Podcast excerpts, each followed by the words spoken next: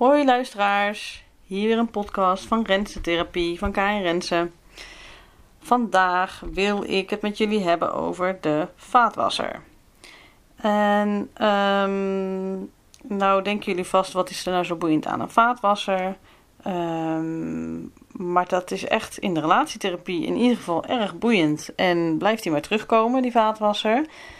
En waarom ik het met jullie wil bespreken is omdat het dus echt iets is waarmee stellen echt bij het eerste gesprek bij mij, bij het intakegesprek al, uh, waarmee ze al binnenkomen dat dat de vaatwasroutine of het, uh, wie, doet, wie ruimt vaatwasser in of uit en wie doet dat niet uh, en waar balen we dan allebei van.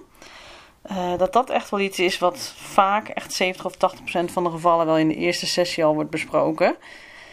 En nou ben ik dus ook meteen benieuwd naar jullie, naar jou en je partner. Um, lijkt het me uh, leuk als je eventjes stilstaat bij hoe is mijn vaatwasroutine? Dus sta er eens bij stil uh, hoe, weet ik het, boos je misschien soms de vaatwasser inruimt. Of hoe recalcitrant je hem soms juist niet inruimt of uitruimt. Um, of je heel gelaten bent en een beetje vermijdend bent. Zo van ik wil er geen ruzie over, dus ik doe het maar weer. Uh, of sta je misschien fluitend de vaatwasser in te ruimen. En ook dat, daar ben ik heel benieuwd naar. Um, laat het me vooral weten hoe je uh, vaatwasroutines leuker kan maken. Dat vind ik altijd wel uh, grappig om te horen natuurlijk. En dan gaat het me niet zozeer om de vaatwasser. maar meer om waar zit nou de verbinding in. Uh, tussen jou en je partner? Waar zit nou het mindful gedeelte, gedeelte in van ik ben aan het genieten van wat ik aan het doen ben? En natuurlijk is een vaatwasser inruimen niet de leukste taak van de dag, maar het hoeft ook niet de vervelendste taak van de dag te zijn. En het hoeft ook niet uh, een, een taak te zijn die op den duur je, je relatie om zeep ehm, helpt, want dat zou helemaal lullig zijn. Um, maar dat gezegd hebbende wil ik dus graag met jullie bespreken wat zo'n vaatwasroutine of het geen routine erin hebben. Wat dat allemaal kan doen met bijvoorbeeld je gevoel van autonomie. Um, wat het kan doen, wat het aanraakt qua wat is eigenlijk je rol in huis. Wat is je rol in de relatie, wat is je rol in het gezin. En wat daar ook bij hoort, um, wat mij betreft, is dat het ook iets kan zeggen over hoe is jullie seks. Wat zegt een vaatwasser over jullie seksleven? Ja, dat is misschien eentje om over na te denken. Um, ik heb niet zo gauw een metafoor bij de hand, maar ik zit meteen te denken van is jullie uh, seksleven stomend, zoals bij de vaatwasser? Of uh, komt er alleen maar koud water uit? Of is het een moedje? Um, nou goed, dat zijn geloof ik niet de beste metaforen. Maar laten we eens beginnen met uh, wat zo'n vaatwasser allemaal niet zegt over hoe jullie relatie eigenlijk op dit moment is. En um, daarbij wil ik natuurlijk ook met jullie delen hoe ik het voor me zie, uh, um, ja, waar je de tips uit kunt halen. Hoe, je dus bepaalde frustraties uh, ja, toch kwijt kan uh, raken, kwijt kan krijgen, zeg maar. Um, de aanleiding waarom ik dit thema dus wil bespreken is dat ik een relatiesessie had gehad waarin we dit bespraken, waarin de, de vaatwasfrustraties naar voren kwamen. En um, dat er in de frustratie was, ik probeer eventjes terug te halen of ik het um, goed zeg. Um, hij ruimt vooral de vaatwasser in en uh, misschien herkennen jullie dat ook wel, maar veel stellen, zeker als je een gezin hebt ook, of als je een druk leven hebt met elkaar, dan heb je een taakverdeling. Dus de een doet de was, de ander doet misschien de vaatwasser, de ander doet Um, weet ik het, de kinderen douchen of naar bed brengen. Zo zijn er allemaal verschillende taken die je natuurlijk kan verdelen. Hoeft niet, je kan ook alles samen doen, maar uh, dan ben je dubbel de energie kwijt. Nou goed, dat is al ongevraagd advies van mij. Misschien is dat wel hartstikke gezellig. Um, maar dat voelt voor mij als samen de tent opzetten, wat ik ook niet zelf zou kunnen. Uh, met z'n tweeën uh, een IKEA-kast opzetten of een tent opzetten. Maar goed, dat terzijde. Um, en ik waarschuw alvast ook uh, voor de andere podcast dat ik uh, nogal wat zijpaardjes kan hebben in mijn verhaal. Um, maar goed, die houden we er lekker in. En daar wil ik dus ook nogmaals bij zeggen dat ik allemaal one takes heb in mijn uh, podcast. Dus ik heb niet hele romantische muziekjes tussendoor of reclameblokken tussendoor of startmuziekjes of einddingetjes. Um, omdat dat me juist ook te veel afleidt van mijn boodschap. En dat ik het gewoon super tof vind om de podcast op te nemen, om ze met jullie te delen. En um, om jullie reacties er ook over te horen. Dus wat mij betreft is het podcast opnemen ook gewoon echt iets spontaans. En is het iets waarvan ik energie krijg, wil blijven krijgen. En um, ja, zoals in uh, een andere podcast uh, ben ik bijvoorbeeld in de natuur aan het wandelen. En dan hoor ik in één keer een auto of een scooter voorbij komen. Ik weet het al niet eens meer. Maar dat hou ik er dan ook lekker in. Omdat ik dat uh, ja, op dat moment ook gewoon zie gebeuren. En geen zin heb om vijf takes nodig te hebben om één podcast op te nemen. Um, nou, dus dat is misschien al een tip voor de mensen die wel eens twijfelen om een podcast zelf te gaan maken. Daar wil ik ook wel in adviseren, hoe je dat ook praktisch doet, maar ook eigenlijk hoe je dat uh, psychisch qua zelfliefde een beetje aanpakt. Um, dat je dus niet te veel eisen aan jezelf stelt, maar gewoon gaat beginnen. Dat zou mijn uh, advies zijn, want dan blijf je het ook echt leuk vinden, zoals ik het ook echt heel erg leuk vind. Nou, goed, dat zijpaadje dus terzijde. Um, maar ik had het over dingen samen doen of dingen om en om doen en uh, de vaatwasroutine. Moet ik mezelf dus weer eventjes uh, erbij halen. Het ging er bij dit stel om um, dat hij het inruimt en ze hadden afgesproken dat zij de vaatwasser dan uit zou ruimen. En dat lukt dus niet elke dag. Bijna niet, zei ze wel heel eerlijk. Um, maar ze zei er wel bij. Het was niet dat ze zich ervoor schaamde of dacht van ik ben een taak niet aan het doen. Uh, die vrouw zei oprecht van ik ben met de kinderen dan um, aan het ontbijten. En s'nachts heeft vaatwasser aangestaan. S ochtends zijn we aan het ontbijten. Dan wil ik rustig kunnen ontbijten met de kinderen. En mijn man gaat dan een beetje woest of ik weet niet of het per se heel boos is. Maar in ieder geval... Uh, uh, gaat hij meteen heel gepassioneerd de vaatwasser uitwassen. Ten koste van, uh, uitpakken, sorry. Uh, ten koste van misschien het momentje wat je aan tafel hebt. En de rust die je misschien ook aan tafel wil hebben. Um, nou, en we besproken dat zo een beetje. En we, gingen, we waren gewoon echt een beetje aan het uitpluizen van wat heeft er nog meer te maken met die vaatwasser. Is het echt alleen maar dat, dat een van beiden de afspraak niet nakomt? Of gaat het misschien om nog meer facetten? Wat ik daarbij altijd nuttig vind om te vragen is: hoe hebben jullie de afspraak ooit gemaakt? En dat zou ik meteen ook uh, aan jullie als luisteraars willen vragen. Welke afspraken heb je met je partner? En weet je nog hoe jullie tot die afspraak zijn gekomen? En een nog belangrijkere vraag vind ik: durf je die afspraak ook te herzien? Durf je gewoon, ja, aan je partner voor te stellen of aan jezelf. Want soms ben je zelf ook te veel in je eigen routine beland. Maar durf je gewoon nog eens een keer aan te kaarten van joh. Uh, ik weet dat we dit al vijf of tien jaar misschien, misschien wel vijftien jaar zo uh, gepland hebben. Maar ik word er gewoon echt niet gelukkig van. Ik, of ik word er zelfs ongelukkig van. Um, of je wordt er niet gelukkig of ongelukkig van. En je wil gewoon weer eventjes iets nieuws in de relatie. Dus je wil gewoon weer eventjes dingen omgooien. Kijken of het je iets leuks biedt of niet. Dus dat lijkt me al een leuke uh, opdracht voor jullie, dat je dat meeneemt. Uh, uit deze podcast. En dat je, dat, dat je gewoon überhaupt dus met je partner gaat hebben over hoe hebben wij taken in huis verdeeld. Zijn we daar eigenlijk blij mee? Vraag het ook eens aan je partner. Hoe blij is de ander met de taken die hij of zij heeft? Is ze heel blij om de was te doen? Of is hij heel blij om de was te doen? Of juist helemaal niet? Uh, ben jij er misschien veel beter in? Of uh, heb je echt frustraties over dat je de was niet mag doen terwijl je het zo leuk vindt met een muziekje aan of met een hele Netflix-serie uh, aan?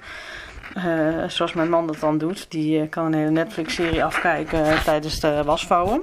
Zegt ook iets over hoeveel was we hebben overigens. Goed, dus ik denk dat het, dat, het, dat het er dus ook al om gaat dat je bewustwording creëert bij jezelf en bij de ander en bij jullie als relatie, jullie als gezin zijnde.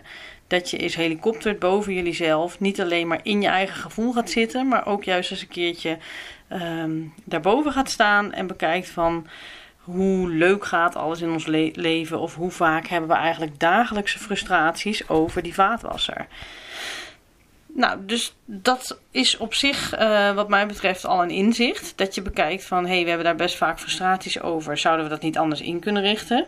En misschien draai je de taken om, maar misschien gaat het er ook om dat je zegt, we doen niet s'nachts de vaatwasser aan, maar we doen het juist pas, um, weet ik het, uh, smiddags. En dan kunnen we op een later tijdstip de vaatwasser uitruimen, waardoor heel uh, dat stressmoment weg is. Um, omdat we ochtends blijkbaar met de kinderen aan het eten zijn. En we hebben ons daar misschien op verkeken. Misschien hebben we allebei onze energie nodig om die kinderen uh, hun ontbijt binnen te laten krijgen. En om ze op tijd op kinderdagverblijf of op school te kunnen uh, laten aankomen, zeg maar.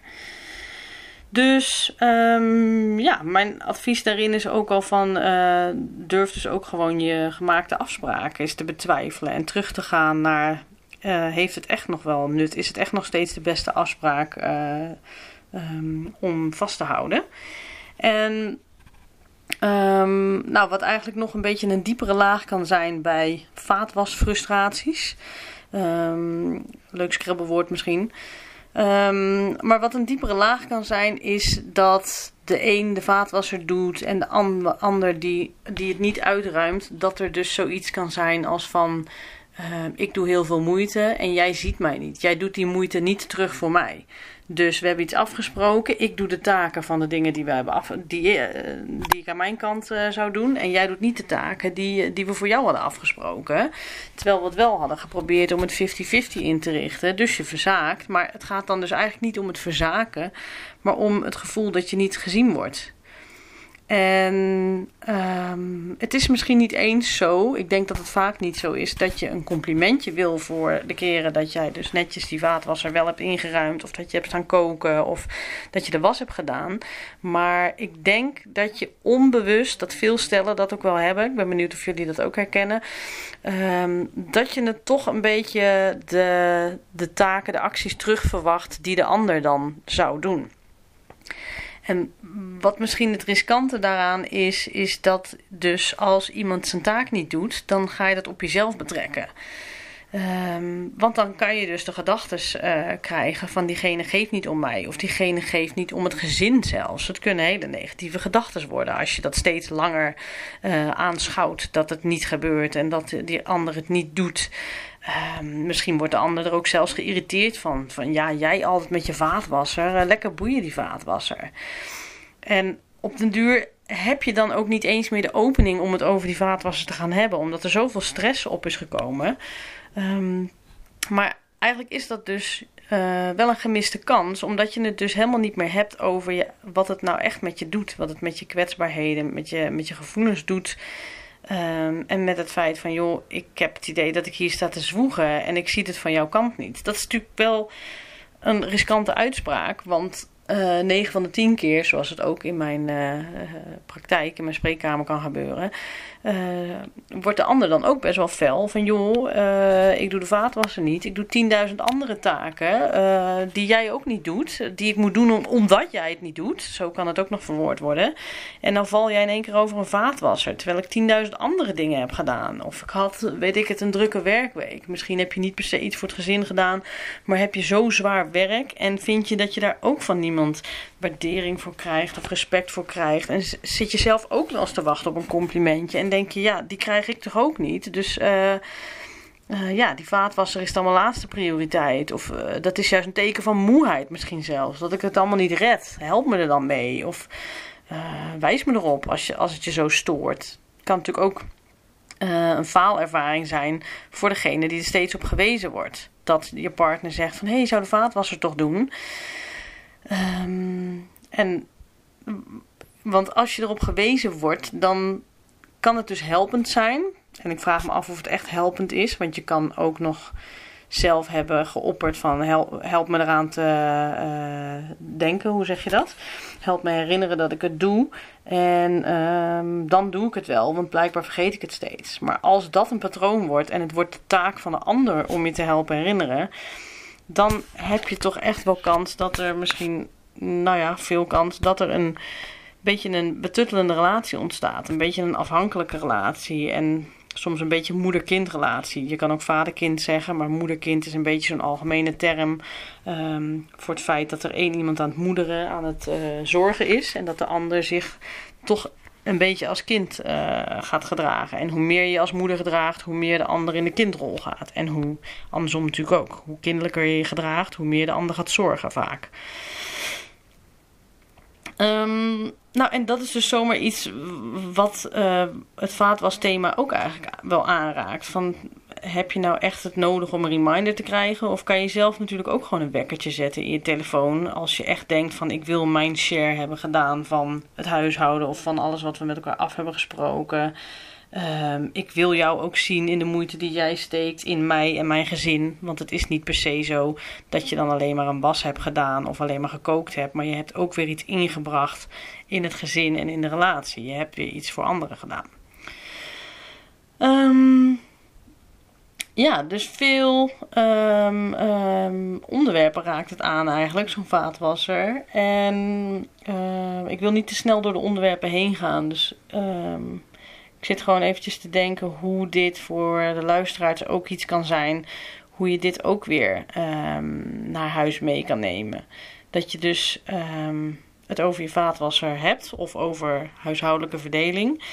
Um, maar is er misschien toch ook iets op een rustig moment, hè? niet op het moment dat je al helemaal boos bent over die vaatwasser en je denkt van, oh je hebt het weer niet gedaan. Nou, daar zei ze in de podcast ook nog wat over. Uh, jij doet het eigenlijk allemaal verkeerd en uh, weet ik veel wat. Maar um, ik denk dus dat het nuttig kan zijn dat je op een rustig moment um, eens met elkaar erover hebt van voel, ik, voel je je gezien door mij? Dat is natuurlijk ook boeiend, hoe de ander dat ervaart. En ook wel dat je er eerlijk in bent, voel je je gezien door de ander. En waar dat weer aan raakt, het, niet gezien voelen, is vaak ook wel gewoon de zwaarte. Dat klinkt misschien weer heel negatief, maar de zwaarte van bijvoorbeeld het gezinsleven. Of als je geen kinderen hebt, van het werkende leven, het fulltime werken. Zwaarte van de prestatiemaatschappij. Um, alles is gejaagd, alles draait, veel draait uh, voor het oog op, om geld verdienen, om uh, jezelf zeker stellen en om uh, steeds maar meer verdienen, steeds maar hogere prestaties bereiken, steeds verder groeien in je werk en indirect of impliciet dus ook draait het om nooit tevreden zijn. Dat is niet echt iets wat we aanleren. We leren om steeds meer te te, te kunnen en meer te willen bereiken. Dat is eigenlijk veel belangrijker dan dat je geen ambitie zou hebben. Dat wordt eigenlijk een beetje gek gevonden, want uh, wat doe je dan met je leven? Dan sta je stil en uh, stilstand is achteruitgang. Terwijl gelukkig nu natuurlijk een grote stroming uh, uh, steeds meer uh, op gang komt in de westerse maatschappij. Van, dat de oosterse invloeden steeds meer naar ons toe komen. En dat het dus in één keer wel als nuttig wordt gezien om stil te staan. Maar dan noemen we het mindfulness en meditatie en bewustzijnsschool, et cetera. Dan noemen we het bezinning en bijkomen en dat soort dingen. Dus dat is wel een positieve trend. Maar uh, ik denk dat het wel goed is om te beseffen dat we echt wel in een prestatiemaatschappij leven. En dat veel gewoon echt wel uh, ja, gejaagd eraan toe gaat. En met veel stress. En als ik om me heen kijk, dan denk ik dat ik toch echt wel veel mensen zie die echt wel uh, werken om hun hypotheek te kunnen betalen. Om rond te kunnen komen. Om die tweede auto ook te kunnen betalen. En ook nog de dure vakanties te kunnen betalen. En nou, dan denk ik dat een vakantie wel op zich een goede prioriteit is. Maar als je echt gewoon een zware baan hebt waarin je minstens 40 uur per week werkt, misschien nog wel meer. Uh, en waarvan je in het weekend niet eens meer uitrust omdat je zo druk bent. En waarvan je eigenlijk ook gewoon, waardoor je geen tijd hebt om je partner of je gezin echt te zien in het weekend. Om echt te ontspannen en te denken van joh. Uh, we blijven gewoon lekker langer in bed liggen dit weekend. Of we gaan later naar bed. Of uh, we gaan eens eventjes gek doen. We gaan in één keer naar het strand uh, terwijl het al laat is. Ik noem maar eens wat gekke dingen. Maar ja, ik, ik, vraag me gewoon wel eens af bij heel veel stellen, ook bij mezelf hoor, van waar zit eigenlijk de ontspanning nog in het dagelijks leven. Natuurlijk hebben we nu uh, coronaperiode achter de rug gehad en die is er natuurlijk nog steeds.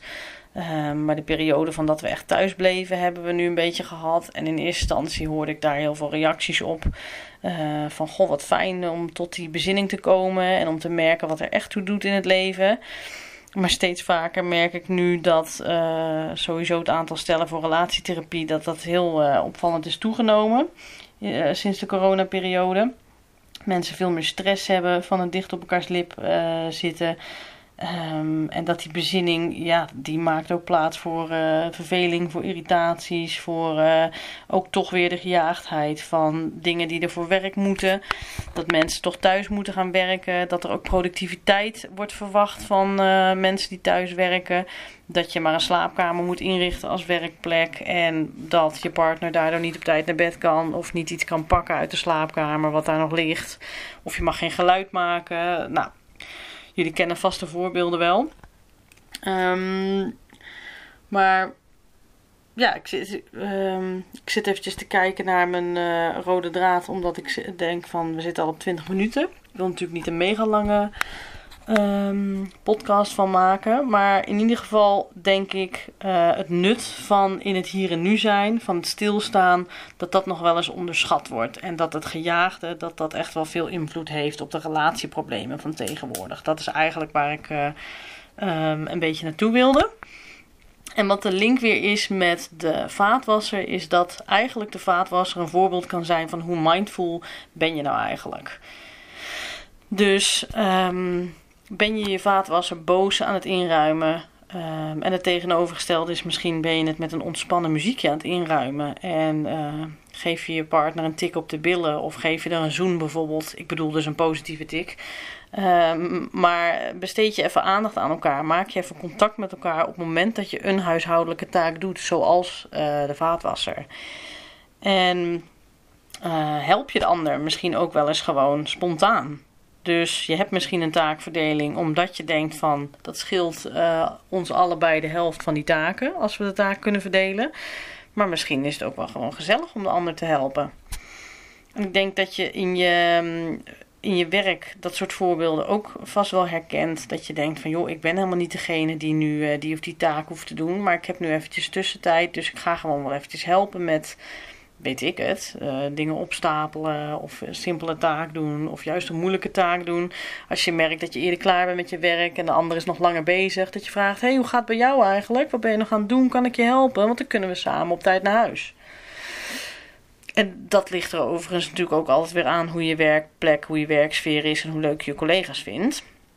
Um, maar die parallel kan je natuurlijk ook trekken met je, uh, naar je gezin en naar je relatie.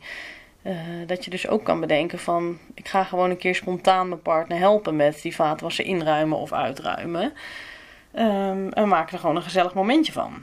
En je kan altijd op een ander tijdstip. Ik zou het echt niemand aanraden om het tijdens uh, het vaatwasmoment uh, aan te kaarten. Waarom diegene toch echt te weinig of te veel daarin doet.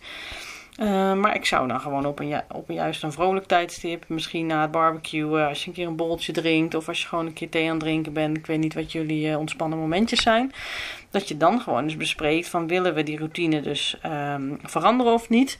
Maar dat je tijdens het vaatwasmoment denkt van joh, we hebben allebei een zware dag gehad. Ik zie eigenlijk aan mijn partner dat vandaag zelfs een iets zwaardere dag was. Of het was geen zwaardere dag per se voor die ander. Maar je denkt ik heb vandaag gewoon energie. Ik merk dat ik een beetje energie over heb. Of sinds die podcast ben ik me bewuster van uh, de frustraties die wij kunnen hebben rondom de vaatwassen. Ik ga dat gewoon eens een keer proberen te doorbreken.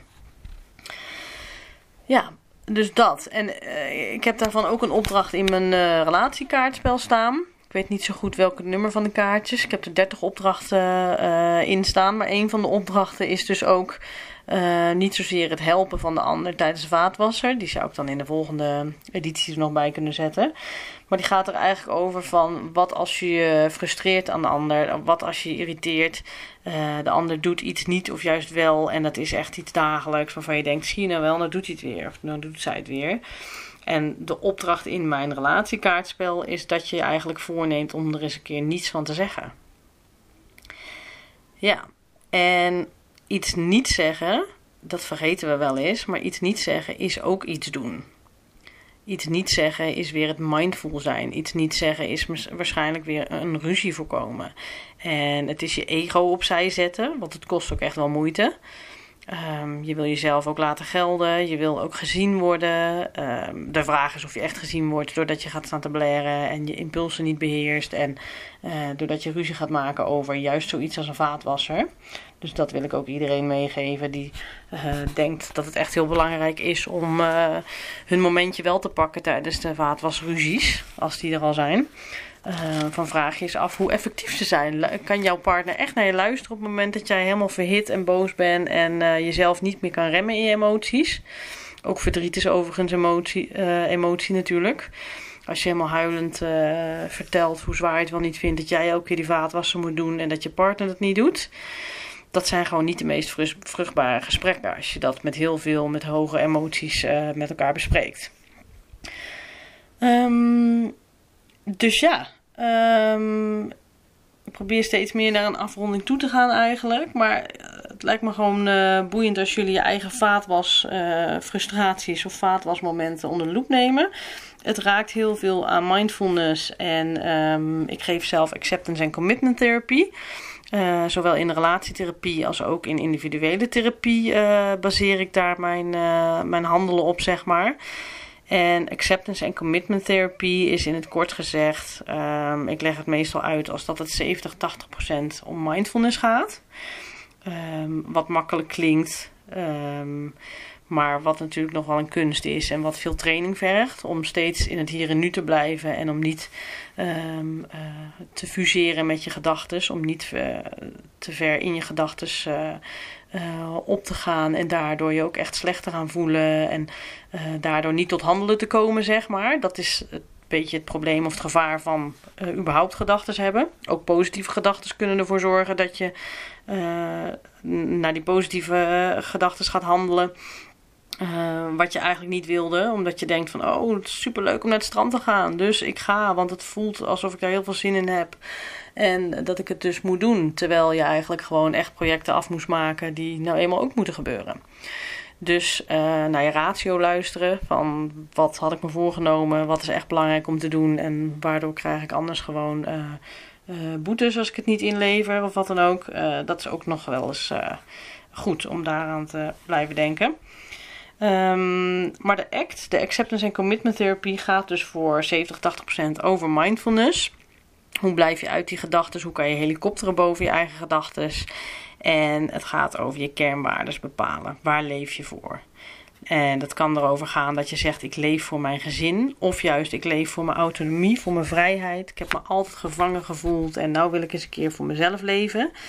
En dat kan je echt als kernwaarde hebben, ook al heb je een gezin. En daar kan je ook je manier in vinden hoe je daar toch, uh, uh, hoe dat toch niet echt hoeft te bijten met je gezinsleven. Um, maar daarin is het dus wel weer belangrijk dat je, um, dat je doorhebt dat dat een kernwaarde van je is. En dat daar juist sommige, sommige frustraties vandaan komen. En dat, ja, dat je daardoor uh, soms zo boos kan worden op je partner. Dat het dus helemaal niet komt omdat je partner iets verkeerd doet, maar dat het meer te maken heeft met misschien je eigen jeugd en met je gevoel dat je gevangen kan zitten, met misschien je neiging tot pleasen. Uh, dus dat je sowieso al geneigd bent om met uh, de ideeën van anderen mee te gaan. En dat je daarin jezelf ook wel geneigd kan zijn om jezelf kwijt te raken. Waardoor je misschien uh, komt mijn uh, link weer met die vaatwasser. Maar waardoor je weer buitenproportioneel boos kan worden als iemand tegen je zegt: Jij moet toch die va vaatwasser inruimen. Ga dat nou eens doen. Of uh, waarom doe je het niet gewoon? En ik doe dat toch ook voor jou of zo. Andere taken doe ik voor jou. Um, ja, en wat ik daar maar mee wil zeggen is dat zo'n vaatwasruzie op zich, het moment waarop je frustraties hebt uh, dat, dat het er niet zozeer om gaat. Um, sommige stellen die denken dat het meer gaat om: ik moet een betere woordkeus kiezen, ik moet iets rustigere taal kiezen en dan hebben we voortaan die ruzies niet of zo. Of we moeten andere afspraken maken en dan hebben we ook daarna die ruzie niet meer. Maar eigenlijk gaat het er toch uiteindelijk om. Uh, dat je bekijkt naar wat vind je belangrijk in je relatie. Wil je bijvoorbeeld je gelijk of wil je geluk? Nou, het is echt zo'n tegeltjeswijsheid. Klinkt een beetje cheesy, maar het is toch echt iets waar eigenlijk bijna alles weer op neerkomt. Als je het, zeker als je het over relatietherapie hebt. Um, Maar als je dus je gelijk wil, dan zeg je eigenlijk: ik kies voor mijn ego. Ik kies ervoor um, dat ik uh, een bepaald beeld van mezelf omhoog wil houden. Ik wil mezelf blijven beschermen tegen het kwaad. Wat is dan het kwaad? Is je partner het kwaad? Of wil je misschien je partner het voordeel van de twijfel geven en je partner een beetje toelaten in je leven? En um, wil je de verbinding weer aangaan met elkaar? En dat is wel echt, denk ik, de essentie van. Uh, misschien alle relatietherapie wel. Van ben je bereid om, eh, als je die verbinding aangaat, om je dus kwetsbaar op te stellen? Verbinding ga je aan door kwetsbaar te zijn, door gevoelens met elkaar te delen, maar vooral dus ook die kwetsbaarheden te delen.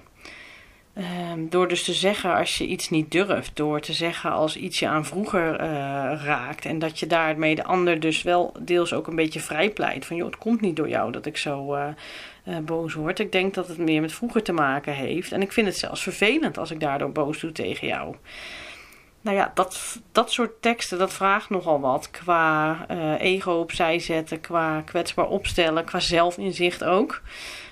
Um, soms gaan mensen natuurlijk ook in individuele therapie nadat ze relatietherapie hebben gestart. Soms hebben ze al uh, individuele therapie gehad. Um, maar er gaan natuurlijk, ja, er worden veel kwetsbaarheden aangeboord in relatietherapie.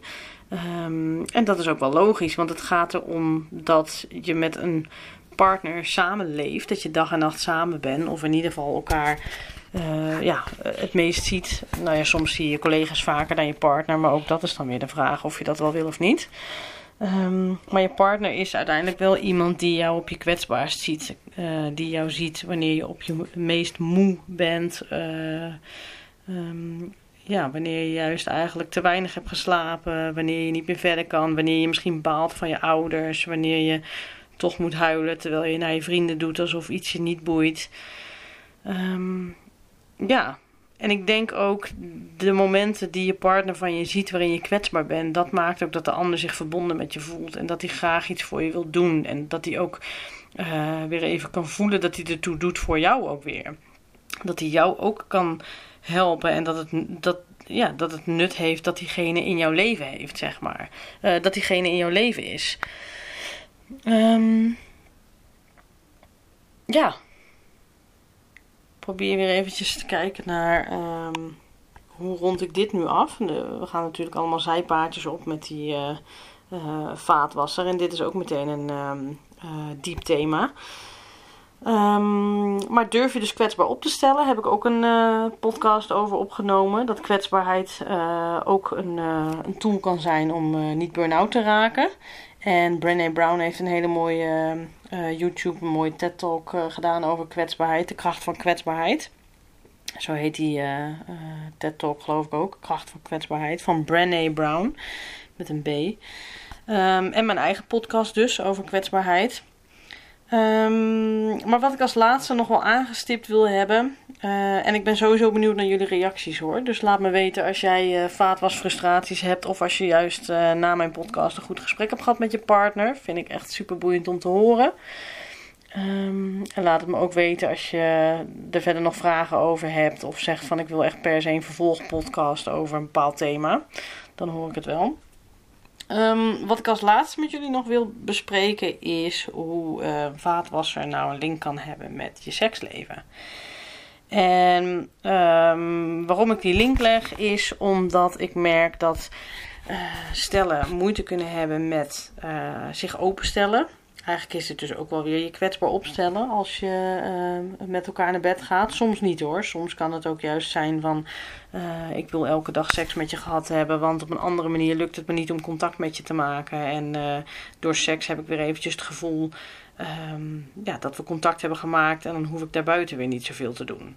Denk niet dat mensen dat bewust zo uitspreken. Um, maar sommige relaties kunnen dus ook echt wel qua emotionele verbinding afvlakken. Ondanks dat er echt wel dagelijks seks is. Of soms meerdere keren op een dag seks is. Dat wil ik dan eigenlijk ook maar uh, uh, genoemd hebben als uh, side note.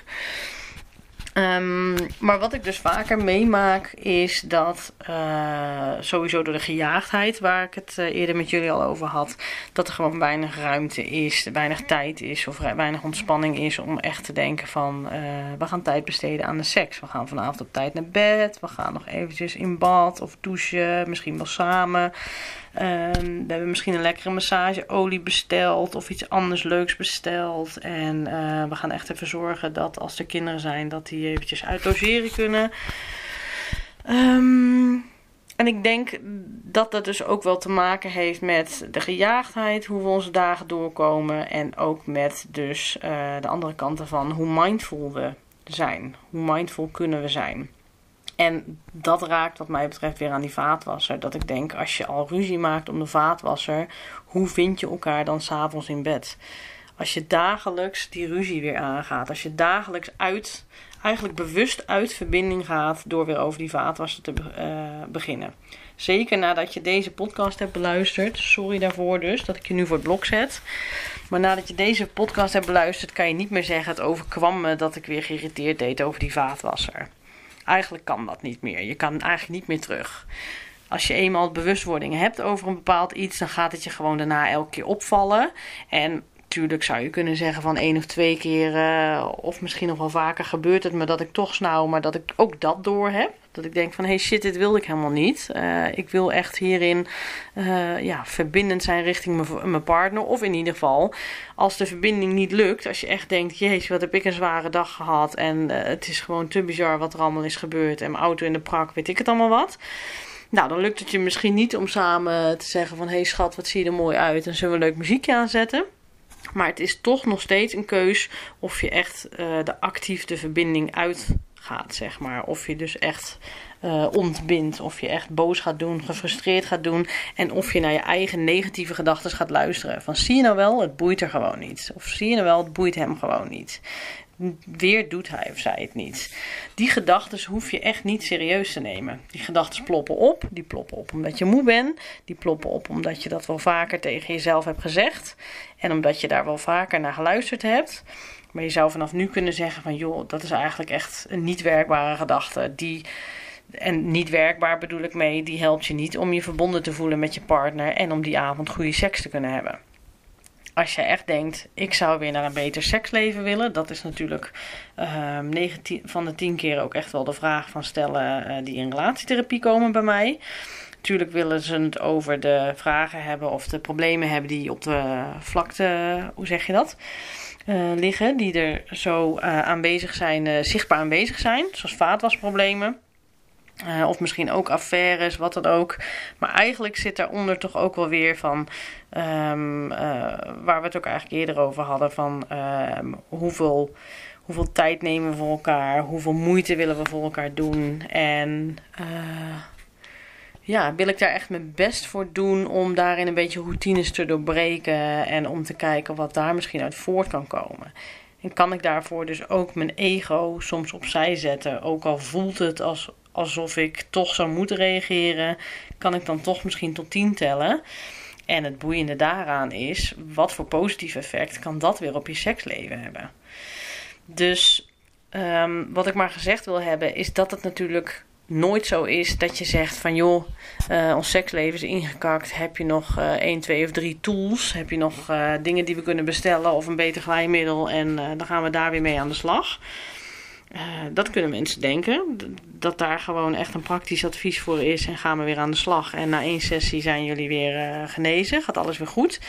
Het gaat er natuurlijk eigenlijk om dat je de verbinding kwijt bent geraakt met elkaar. En seks is iets wat je heel erg leuk ja, zou moeten vinden. Klinkt nu al heel krom. Uh, maar wat je, wat je waarschijnlijk graag wil. Wat iets is in je natuur wat gewoon opplopt op het moment dat je ontspannen bent. Waar je gewoon spontaan zin in krijgt als je uh, op een zomeravond misschien een keer een biertje of een wijntje hebt gedronken, dan krijg je meer zin dan dat je denkt: ik zit in een acht uur durende vergadering en uh, met allemaal bobo's en ik ben het niet eens eens met de beslissingen en ik heb me nog nooit gezien gevoeld in mijn werk. Nou, noem even het extreme uiterste, maar dan komen er geen lustgevoelens in je op.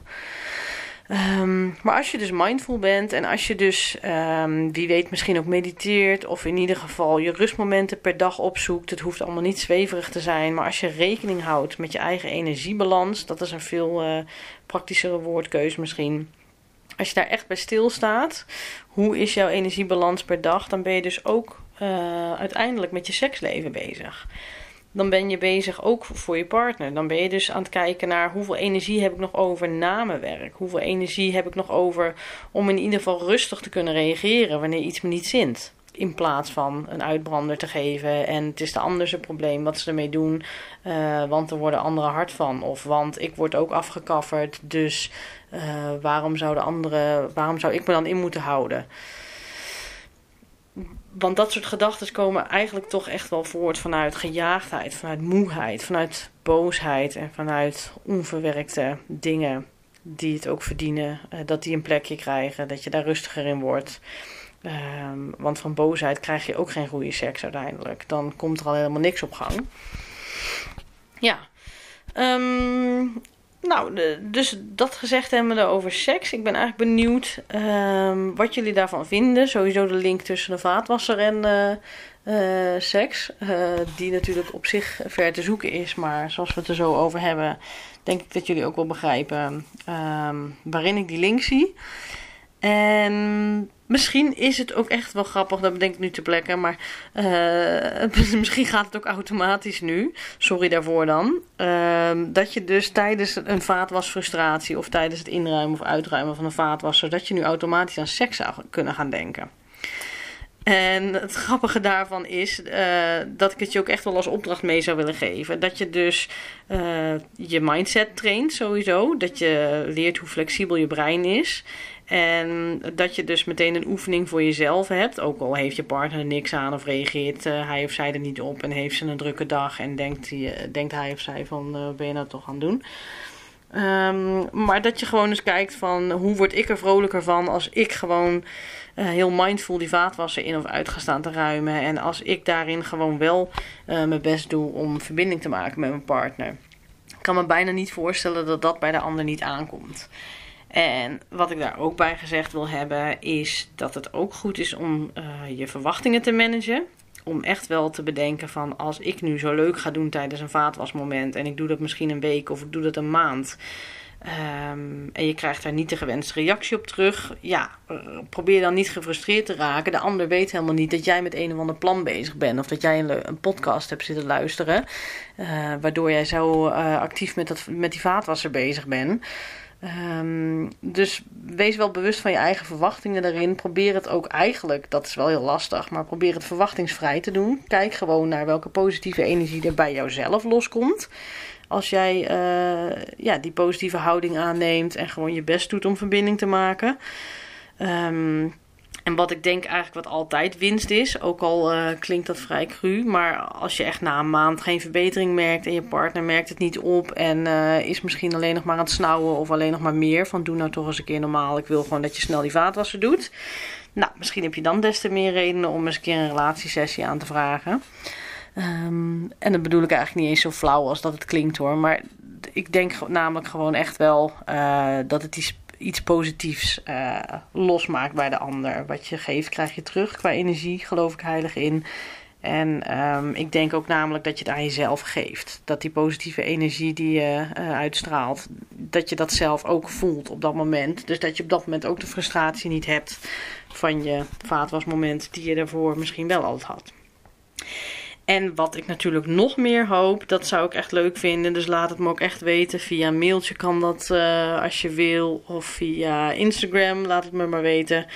Uh, of via WhatsApp anoniem als je daar je naam niet bij wil zetten. Um, ik heb trouwens ook nog wel een werktelefoon, maar die, zet, die heb ik op mijn Instagram wel. Die heb ik zo niet bij de hand. Uh, maar wat ik, waar ik dus zo benieuwd naar ben, is of je seksleven ook echt verbeterd is door uh, je vaatwasbewustwording, zeg maar. Jullie snappen inmiddels wel uh, wat ik nu met, het hele met de vaatwasser bedoel. Um, ja.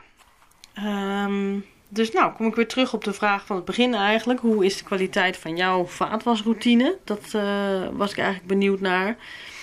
Um, en wat ik er eigenlijk indirect dus ook mee vraag, uh, zou een leuke openingszin kunnen zijn voor de relatiesessies, uh, is hoe is dus eigenlijk jullie seksleven?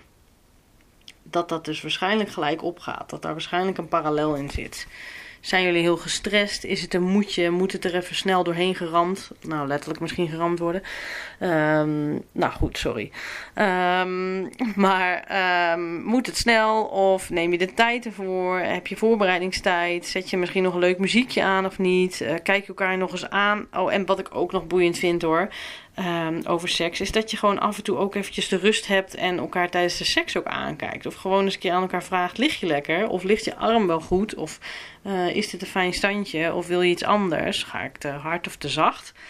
Um, en dat wil ik echt nog toegevoegd hebben aan deze podcast, omdat ik denk dat uh, stellen soms echt te weinig met elkaar bespreken. Soms heb je echt al stellen die 20 jaar of langer seks met elkaar hebben en die weten echt niet van elkaar wat ze uh, het lekkerste plekje op hun lijf vinden en uh, of ze nou eigenlijk harder of zachter seks willen of dat ze eigenlijk van hun partner vinden dat hij veel te snel tot de daad komt, terwijl zij eigenlijk veel meer wil strelen, veel meer het voorspel op het voorspel wil richten en hij denkt joh had het dan eerder verteld, dan kon ik er ook wat mee. Um, dus daar kan hij weer onzeker van worden. Van jeetje, doe ik het dan al twintig jaar verkeerd?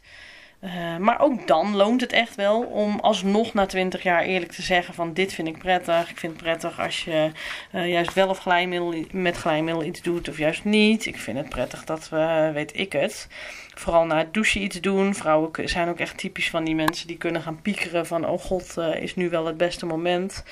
Um, om van alles te gaan doen, want uh, hè, uh, ik heb niet net gedoucht. Uh, begrijpen jullie wel wat ik bedoel natuurlijk.